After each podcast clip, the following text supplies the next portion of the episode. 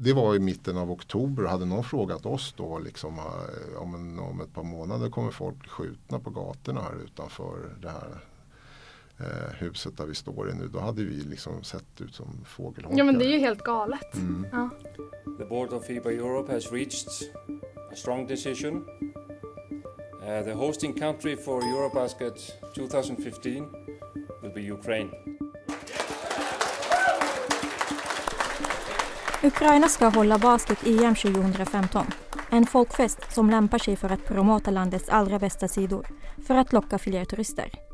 Det är just reklamkampanjer som dessa som väckt intresset hos forskarna Per Stålberg och Göran Bolin som spetsat in sig på Ukrainas kommunikation sedan 2013. När Ryssland anfaller Ukraina våren 2022 får deras forskning nytt fokus. Hur kommunicerar Ukraina för att få sympati från andra länder och hur sprids informationen internt i landet när infrastrukturen och kommunikationen utsätts för yttre hot? Välkommen till Forskarpodden. Jag heter Linnea Gustafsson. Och jag heter Nathalie Silverberg. Idag i studion har vi med oss Göran Bolin, professor i medie och kommunikationsvetenskap på Södertörns högskola. Välkommen! Tackar, tackar. Eh, du har ju skrivit en bok tillsammans med Per Stålberg som heter Managing Meaning in Ukraine som gavs ut nu i maj. Eh, kan du berätta lite i korthet vad den handlar om? Den handlar om eh, eh hur eh, Ukraina försöker, eller arbetar med att framställa sig inför omvärlden. Det vi driver jag och Per i boken det är ju eftersom vi har hållit på sedan eh, 2013 redan innan den här Euromaidan-revolutionen hände. Så att det som är vår huvudpoäng här är väl att för att förstå det sättet som Ukraina håller på att eh, kommunicera nu med omvärlden så måste man gå tillbaks till eh, historien här. Alltså de grundstenarna och liksom de organisatoriska och kopplingarna mellan olika personer som är involverade i att kommunicera den här bilden av Ukraina. De grundlades då 2013, 14, 15. Eh, och, eh, men nu så sprids det, har de mycket större uppmärksamhet eh, eh, runt hela världen. Men Just det. vad var det som fick just dig att intressera dig för att forska om då mediestrukturen i Ukraina? Ja, eftersom Per och jag började innan eh, det var någon, den här revolutionen som var eh, 2013-14 runt årsskiftet där. Eh, så var det ju inte, hade vi inga tankar på krig eller, eller eh, så. Men vi var intresserade av hur Ukraina försökte att locka till sig turister och locka till sig investerare genom olika kampanjer som riktades då till eh, utländska målgrupper, alltså till turister förstås. Alltså, kom till Ukraina och här har vi jättevackra vyer och vi har Svarta havet och vi har Krim, vilken är jättehärlig badstränder och, och, och semesterorter och vi kan åka skidor i Karpaterna och liksom Ja, den typen av bilder. Men också det här att kom till Ukraina, vi har högt utbildad arbetskraft, speciellt på IT-området och så vidare. Och här kan man starta företag och liksom investera i oss. Så att det är lite olika målgrupper. Nu är det ju en tredje målgrupp, alltså att man riktar sig till politiker för att få stöd eh, från andra länder, från ledare från andra länder. Eh, och men från början var det, ju, var, ju, var det ju just det här att locka till sig investerare och turister som, som, som Per och jag tyckte var intressant. Eh, de hade ett par, de 2012 så arrangerade de eh, Europamästerskapen i fotboll tillsammans med Polen och i samband med det, inför det så hade de en massa kampanjer som gick på BBC World, eh, på CNN och så förstås i liksom olika internationella magasin liksom för att då rikta, ja, för att rida på den här uppmärksamheten som man ändå får när man är arrangör för ett stort Europa-evenemang. Så det var det som triggade oss och så vidare. Och sen hände den här revolutionen och eh, då förändrades ju vår, vår, vårat projekt ganska Det måste ju ha radikalt. varit jättespeciellt att vara med liksom från början och inte fatta någonting liksom. Ja. Vad som sen komma skull eller vad man ska säga. Ja precis för att vi var ju där eh, i, i mitten på oktober 2013 och då hade de just lanserat eh, sin nya turistkampanj. De, de eh, skulle arrangera till exempel Eurobasket, alltså den europeiska basketturneringen 2015. Det var redan bestämt men så ville de liksom lägga bud på att arrangera vinter-OS. Eh, så det var i mitten av oktober. Hade någon frågat oss då liksom, eh, om, en, om ett par månader kommer folk bli skjutna på gatorna här utanför det här eh, huset där vi står i nu. Då hade vi liksom sett ut som fågelholkar. Ja men det är ju helt galet. Mm. Ja. Ja, sen hände det och då vi liksom, oj vad är det som händer? Och vi vågade ju inte åka dit då när det vart för det här, de där, det som började som då ganska fredliga protester slogs ju ner ganska häftigt utav polisen. Och det eskalerade eh, liksom det här våldet och till slut så att det blev dödligt våld. De satte in specialpoliser mot eh, demonstranterna. Som så att vi var lite, tittade lite på avstånd då på internationella medier. Men, men också en hel del såna här små ukrainska medier, strömningstjänster som sände online. Romadske TV är en sån som startade precis då, i, i samband med det.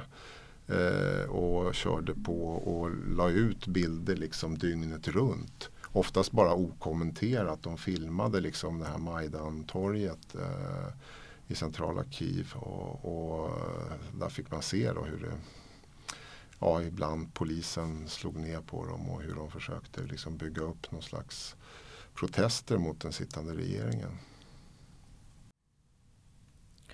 Men hur liksom ändrade ni då för då kanske ni gick in med tanken av att det skulle vara någonting annat. Men hur liksom ändrades det under årens gång eller man ska säga? För det är ändå väldigt lång tid som ni gjorde det här. Ja. ja.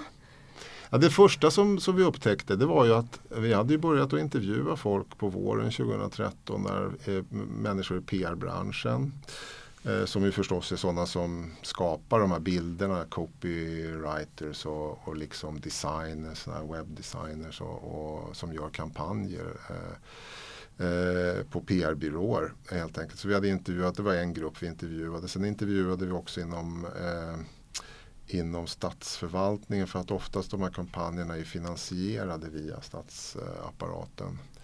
Eh, ibland i kombination med också kommersiell finansiering från företag som vill liksom synas ut och, och, och liksom få uppmärksamhet.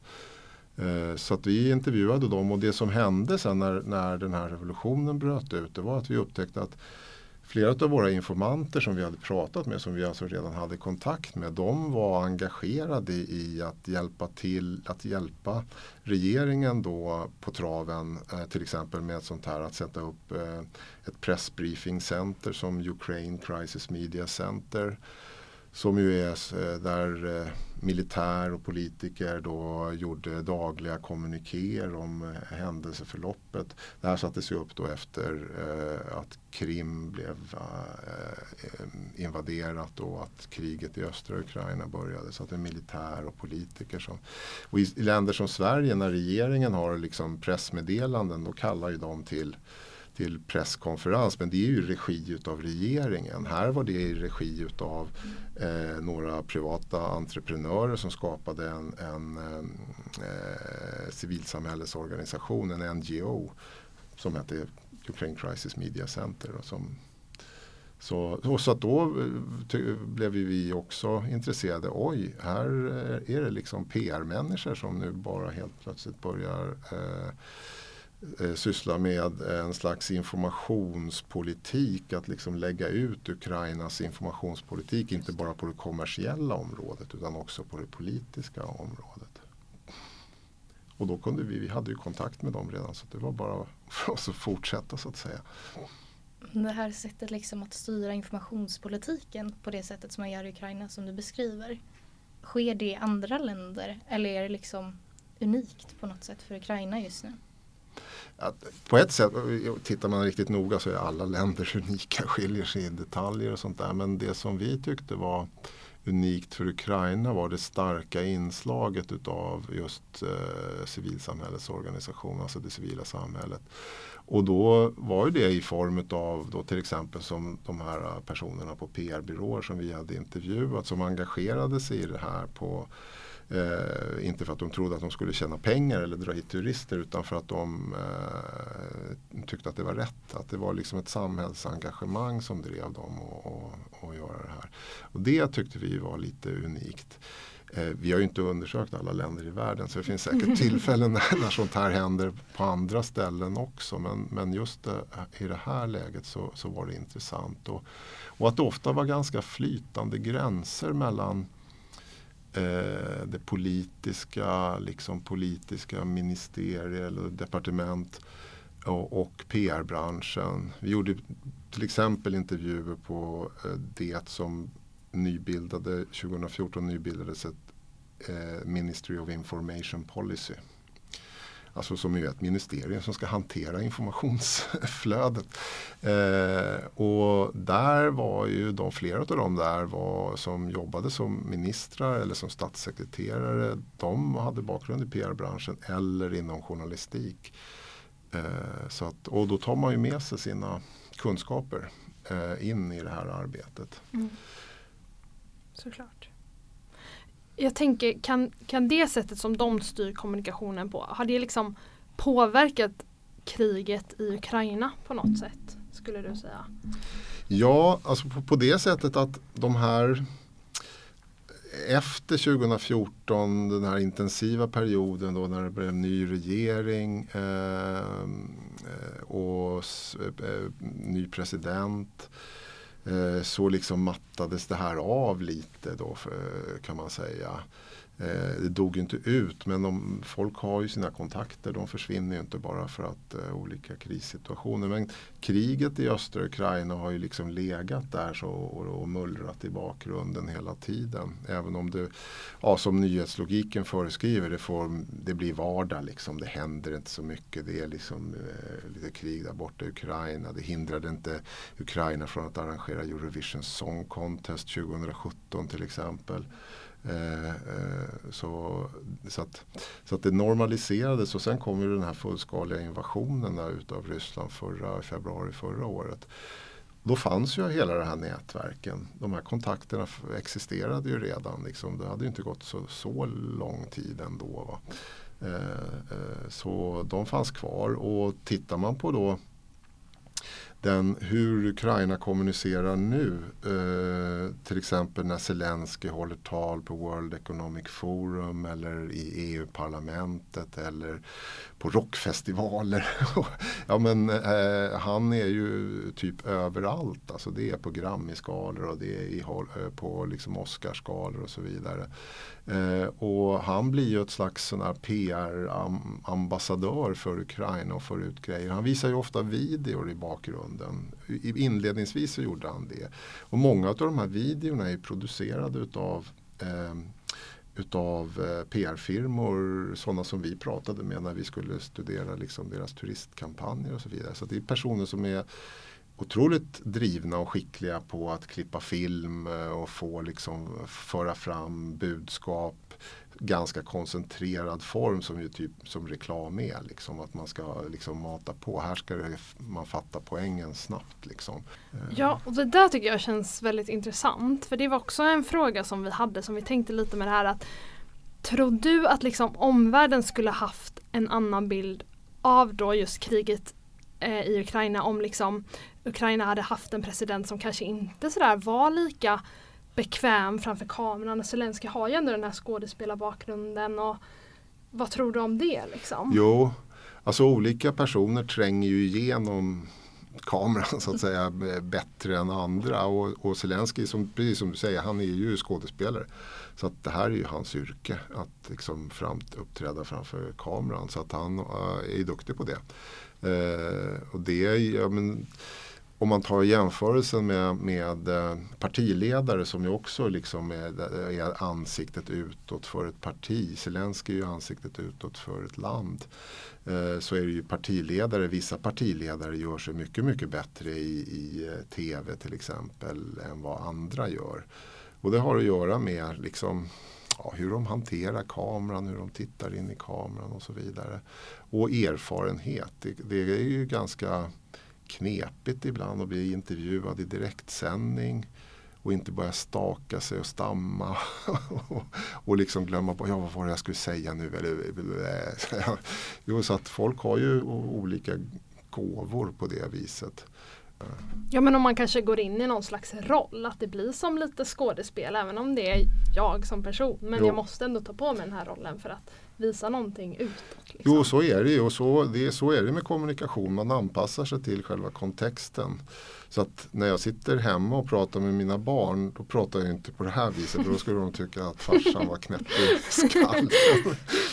utan utan man, man anpassar sig hela tiden. Eller man sitter och snackar med kompisarna. Eller när jag står och föreläser inför studenter. Eller på konferens och så vidare. Så det är olika sätt, det är olika roller, olika liksom tilltalsmodus man, man tillämpar eh, i, i olika situationer. Men jag tänkte på det här du pratade om att eh, många av de som hjälper till att sprida informationen nu har liksom sin bakgrund inom PR eller liknande. Eh, vi var lite nyfikna på hur, hur det här kommunikationssättet skiljer sig från propaganda. Ja, det är en bra fråga. alltså, man kan ju säga PR och reklam är ju kommersiell propaganda mm. i den meningen eh, att man eh, propagerar för någonting. Man pratar för den här varan. Men man kan också prata för det här politiska budskapet eller prata för den här gruppen man representerar. Eh, så, så gör ju folk inom civilsamhällesorganisationer och så gör politiker inom partier och så vidare. Att man representerar någonting och, och, och talar för det. Och i den meningen så propagerar man ju i den här mer allmänna eh, betydelsen av ordet propaganda. Och propaganda på det viset har ju funnits ganska länge. I den moderna meningen så blir det ju mer aktuellt under slutet av 1800-talet och 1900-talet. Framförallt efter första världskriget. Det är ju en av ursprungen till medieforskningen är ju det här att man studerar propaganda för att man tänker sig att folk blir påverkade, folk kan bli styrda utav det här. Och grundidén till det är ju också reklamen. Att reklamen vill ju styra folk att köpa eh, varor eller tjänster eller vad det nu är man, man vill sälja. Eh, så att, eh, men det finns ju under årens lopp, alltså propaganda har ju fått en ganska negativ klang då. Vilket det inte riktigt hade förut. Men om vi tänker på Ukraina då, finns det några risker med sättet som de kommunicerar på? Det finns ju en sån där när man har det här reklamspråket. Alltså de har ju också olika kampanjer där de säljer prylar. Du kan köpa en kaffekopp där. De har en kampanj som heter Be Brave Like Ukraine. Stora banners på Times Square i New York och i liksom Londons tunnelbana och så vidare. Eh, och de, det finns en, de har en hemsida, man kan köpa liksom Zelensky-t-shirten och liksom outfit och liksom halsdukar med den här treudden, deras riksvapen. Och, och liksom den här sloganen Be brave like Ukraine. Och där är det ju lite sånt där vågspel. Att blir det här för kommersiellt då brukar det ju inte ses som seriöst. Utan då blir det bara liksom då blir det bara kommers. Liksom, och det kan slå över om, om det går för länge. Än så länge har det ju inte gjort det. Men, men det, det är väl den risken man kan se.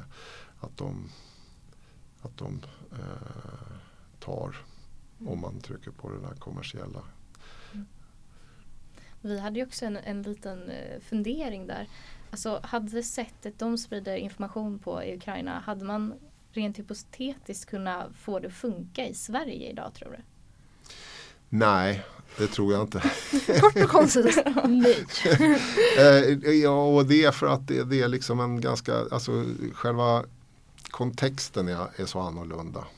Det skulle kunna vara så i Sverige möjligen om, om vi blev anfallna eller något sånt där. Om, att det är liksom allt det här det, det, det byggs ju upp en slags eh, föreställning om Ukraina här nu som är en kombination av alla de här, eh, allt som ukrainarna själva kommunicerar men allt som alla andra också kommunicerar om dem och allt stöd de får ifrån västvärlden. För att det är ju inte alls så att alla eh, är, alltså det finns ju många som är skeptiska framförallt i Afrika, Sydamerika och så vidare utav, mot det här och inte kanske tycker att Ryssland är lika stor skurk som de flesta i Sverige tycker. Mm. Eh, så att det, det skiljer sig lite sådär. Men i, i dagsläget så, så, skulle nog Sverige ha svårt att få liksom, mobilisera en sån här uh, entydig röst. Mm. Ja men tror du att vi liksom tror mer på information som kommer från Ukraina för att vi kanske har mer så sympati för dem för att det är ju de som blivit invaderade men också för att vi kanske så här alltså, kulturmässigt eller vad man ska säga är liksom närmre Ukraina och då tänker jag främst på kanske så här hbtq-frågor och lite sånt mm. där. Att, ja, men då är det som att vi sympatiserar mer och så litar vi helt plötsligt på all information som kommer därifrån. Mm. Tror du att det spelar någon roll? Liksom? Det gör det. Liksom. Det, det, det finns ju en sån här mekanism att man gärna liksom sympatiserar med underdogen, den som blir anfallen, de som är i underläge. Liksom. Eh, tittar du på alla berättelser i filmer och i, i liksom litteratur och så vidare så ligger ju ofta sympatierna hos den som den, den något svagare liksom, så, som sen mot slutet alltid av filmen tar revansch eller övervinner det här större hotet eh, eller den här större motståndaren. Det, ehm, det känns ju som att det ligger lite så i den ja, mänskliga naturen. Typ. Ja, det, det, är liksom, eller det, jag tror inte att det är så här, inte naturen i biologisk mening, men det, men det, finns också ett sätt att berätta historier i västvärlden som där den här typen utav eh, eh, historia, den här typen av trop, alltså utveckling, eh, den här typen av narrativ om man ska prata liksom så här berättarkonst Eh, är strukturerad på det här viset och vi är uppfödda där genom sagor. Liksom. Det är David mot Goliat och det är liksom eh, den lille mannen mot det stora systemet som övervinner det här till slut. Och, som ju är på ett sätt också ganska individualistisk och alla, alla kulturer är inte så individualistiska som västvärlden är. Och vad det gäller, nu har vi sympatierna hos Ukraina här de, de flesta och jag tror det här är komplext och eh, historiskt historiker skulle säkert kunna prata mer om det här men, men tittar man på Sveriges relation till Ryssland historiskt så har den ju alltid varit lite liksom Karl XII står där nere på, i Kungsträdgården och pekar österut. Det är liksom därifrån hotet kommer. Eh, så har det ju, det, det, är också en sån här föreställning som finns inbyggd i det svenska. Eh, liksom. och Ukraina har inte riktigt varit en del utav det där. Utan, utan det ligger längre bort och så vidare. Ukraina var ju ganska okänt för de flesta svenskar fram till för inte så länge sedan. LBTQ-frågorna, alltså där har ju, alltså Ryssland har ju utmärkt sig eh, negativt om man ser ur en svensk synvinkel där, där som är, är betydligt mer liberalt inställd till, till eh, eh, LBTQ-frågor. Där de har haft de här anti-gay-lagarna eh, som ju då eh, inte riktigt är förenligt med hur de flesta i Sverige uppfattar liksom eh, eh, eh olika minoriteter, eh, sexuella minoriteter och, och så vidare eh, och genusidentiteter. Eh, och Ukraina har ju istället då anammat det här. Och det här har de ju också spelat på i reklamen som när de gjorde 2017 när de arrangerade Eurovision och det är liksom Eurovision är ju allmänt känt att det har ett stort så gay eh, fanfölje. Och de, det finns en sån här en, en, en park i, eh, ganska nära Majdan-torget där i centrala Kiev Eh, där det finns en stor båge spänd över två män som står och liksom går framåt så här. Eh, som är ett monument från 80-talet, ett Sovjetmonument som ska liksom befästa de ukrainska och eh, ryska folkens brödraskap. eh, och så är det under en sån här båge som är så här eh, stålblank liksom. Och under eh, Eurovision-veckan där så målade de ja det var några av våra informanter från de här PR-byråerna. De målade ju den som en regnbåge så att de döpte om den från, eh, vad heter den, Ark of Friendship eh, of the Russian and Ukrainian people. Den döpte de om till Ark of Diversity. Eh, vilket ju förstås var för att retas. Alltså det här är ju liksom sofistikerat. Hade det varit på internet då hade man pratat om trolling. Eh, men eh, det retade ju upp vissa ukrainare också som var mer ryssvänliga eh, förstås. Mm. Men jag tänker lite alltså, i det här arbetet med att ta kontakt med de här människorna. Vad, vad har liksom varit det svåraste i att undersöka hur information sprids och liksom Ja, det är ju liksom Det ligger i det här att information är någonting som man inte kan ta på så här. Eh, det, så att det, det är hur det sprids. Eh, det, det, man kan notera liksom grova drag men man, man, det är ju liksom också komplext. Liksom. Det är inte bara en person som sänder ett meddelande och så går den till en mottagare där utan det sprids på, ju på lite olika vägar. Ukraina har ju liksom eh, använt ganska mycket då sociala medier och så vidare för att, eh, för att nå de västerländska publikerna som de vill nå, alltså beslutsfattare nu då under kriget och sådär.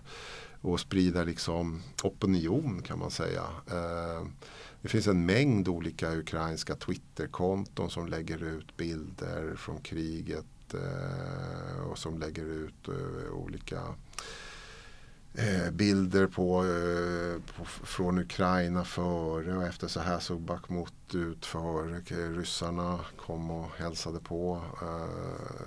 Och en mängd sådana här liksom,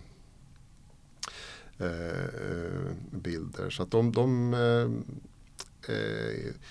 utnyttjar alla typer av kommunikationskanaler som står till buds. Och funderar man över hur många de är så är det också väldigt svårt att liksom som, även som forskare att liksom, eh, studera allt. Det, det går inte så att det är liksom kommunikationen sprids liksom på en myriad av olika kanaler genom olika plattformar och på olika sätt. Eh, och, men det säger sig självt då att man kan inte säga så här benade, nu har vi slagit, nu är det vetenskapligt bevisat att så här ligger det till. Utan eh, det blir ju liksom olika analyser utav de här händelseförloppen som man försöker förklara utifrån tidigare teori och utifrån, utifrån det man observerar liksom och får reda på. Med ren nyfikenhet. Så nu, nu bara tränger jag mig före som mm. vanligt. Men eh, ni har ju kollat liksom mellan 2013 till 2022. Mm. Såg ni någon liksom stor skillnad innan dess? Alltså har det blivit en boom i hur de har utvecklat sitt liksom, sätt att kommunicera med omvärlden eller var det liksom Fanns det frön redan 2012 och innan? Ja, fröna fanns där. Liksom, de har ju förstås eh, liksom, i takt med att de jobbar med det här har blivit bättre och bättre. De som sysslar med det här. Det är ju, men det är ju många som är inblandade i det här att förmedla information från Ukraina. Det är dels, nu har jag pratat mycket om PR-byrån men, men journalister är ju en annan grupp. Va? Eh, dels journalister som, som då eh, skriver för utländska tidningar och kanske är på plats. Men också ukrainare som är utomlands och jobbar för tidningar utomlands. Som har kontakt med en massa släktingar, vänner och så vidare i Ukraina. Som kan få information på ett annat sätt än, än, än andra eh, kan få. Så det, finns, det, det, är liksom jättemånga inblandade i, den här, i, i liksom hanterandet utav den här bilden. Um, om vi har förstått det rätt så är boken liksom baserad på fältarbete mm. som ni har gjort. Hur, vad är liksom fältarbete? Eh, ja, i vårt fall så är ju det att vi har liksom, ja, fältarbete är ju egentligen det materialinsamlingsperioden. Mm. kan man säga. Om man pratar så här. Det gör ju studenter i, när ni skriver uppsatser och, och när man skriver avhandling som doktorand mm. och så vidare. Och, och, som forskare är det ju i stort sett samma sak man gör men kanske lite läng under lite längre tid. När vi gjorde det här speciella fältarbetet, det, det kanske är ett bra exempel under den här Eurovision-veckan som var. Det ju Eurovision-veckan nu också. Så det, här är, det här är för, för, för, exakt sex år sedan så var vi i Kiev. och då var det jag och Per och så var det Julia och, och Ludmilla och så min kollega Fredrik Stiernstedt som också var intresserad av det Eurovision för han var intresserad av så här mediearbete. Alltså vi var en ganska stor grupp i, i Kiev då. Vi gjorde lite olika, vi intervjuade, vi besökte, liksom tittade på, hängde där i parken under den här regnbågsbågen. Observerade lite, vi intervjuade massa journalister, vi intervjuade folk som, som hade tagit fram den här designen. Det måste varit häftigt att vara på plats. Och få ja, liksom det var intressant det för att det där blir ju det blir ju liksom, man är ju mitt i eh, själva händelsernas mm. centrum. Och det är väldigt lätt att dras med i alla de här händelserna. Man tycker det är jättespännande och, liksom, och man eh, eh, följer det här liksom i realtid. Sen gäller det ju att då, vara forskare också och försöka liksom ja, ta anteckningar, ta fältanteckningar, notera vad som händer. Man blandar väldigt snabbt ihop saker så att det gäller att ha den här forskarmässiga systematiken när man är då på fältet. Alltså när man är ute och i verkligheten som Kurt Olsson skulle säga. Mm. Då ska du få en liten utmaning av oss Göran. Eh, kan du med tre ord beskriva hur Ukraina kommunicerar med omvärlden?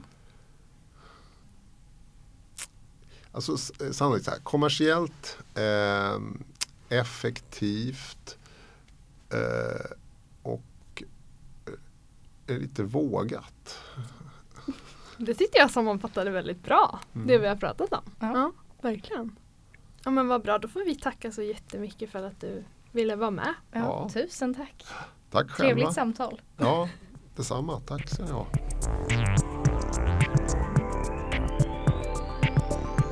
Du har hört Södertörns forskarpodd med mig Linnea Gustafsson och Nathalie Silverberg i studion. Tekniker var Naimi Lundegård och Toba Salam. Producent för programmet är Moa Svan.